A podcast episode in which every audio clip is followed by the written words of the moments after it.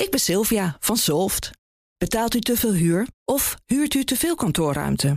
Solft heeft de oplossing. Van werkplekadvies, huuronderhandeling tot een verbouwing, wij ontzorgen u. Kijk voor al onze diensten op soft.nl. De column van Paul Lasseur. In de jaren 90 was beleggen in tiekhout razend populair, weet u nog? Maar de belangstelling nam snel af toen bleek dat kleine beleggers massaal werden belazerd.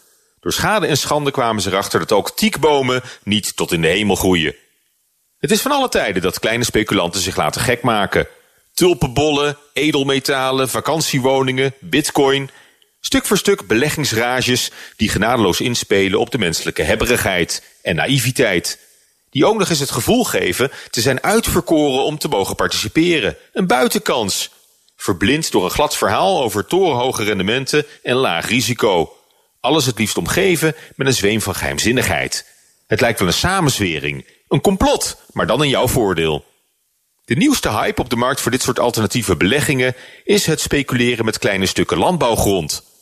Grondhandelaren verkopen, vaak telefonisch, voor veel geld waardeloze kavels bosgrond, akker of weiland aan particuliere investeerders. En wordt een flinke waardestijging voorgespiegeld omdat er bouwplannen zouden bestaan.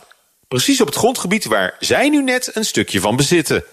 Alleen wordt er nooit gebouwd. Het Financiële Dagblad deed landelijk onderzoek naar dit fenomeen en publiceerde dit weekend de schokkende resultaten. De dubieuze handel in kavels blijkt veel omvangrijker dan gedacht, meldt de krant. Particuliere beleggers staken al bijna 700 miljoen euro in speculatie met kleine stukjes landbouwgrond. Dat is meer dan ooit in dubieuze tiekplantages werd gestoken. Op ruim 500 locaties, in meer dan de helft van de Nederlandse gemeenten, zijn handelaren actief. Vooral buiten de Randstad en aan de randen van Nederland, in krimpgebieden. Met het aankopen van grasland en akkers om in stukjes te knippen en met winst door te verkopen aan onnozele particulieren.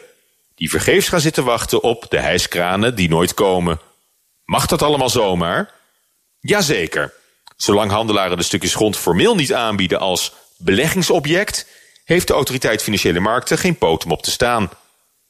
De geschiedenis leert bovendien dat er altijd een markt is voor dit soort wilde speculaties en irrationele beleggingen.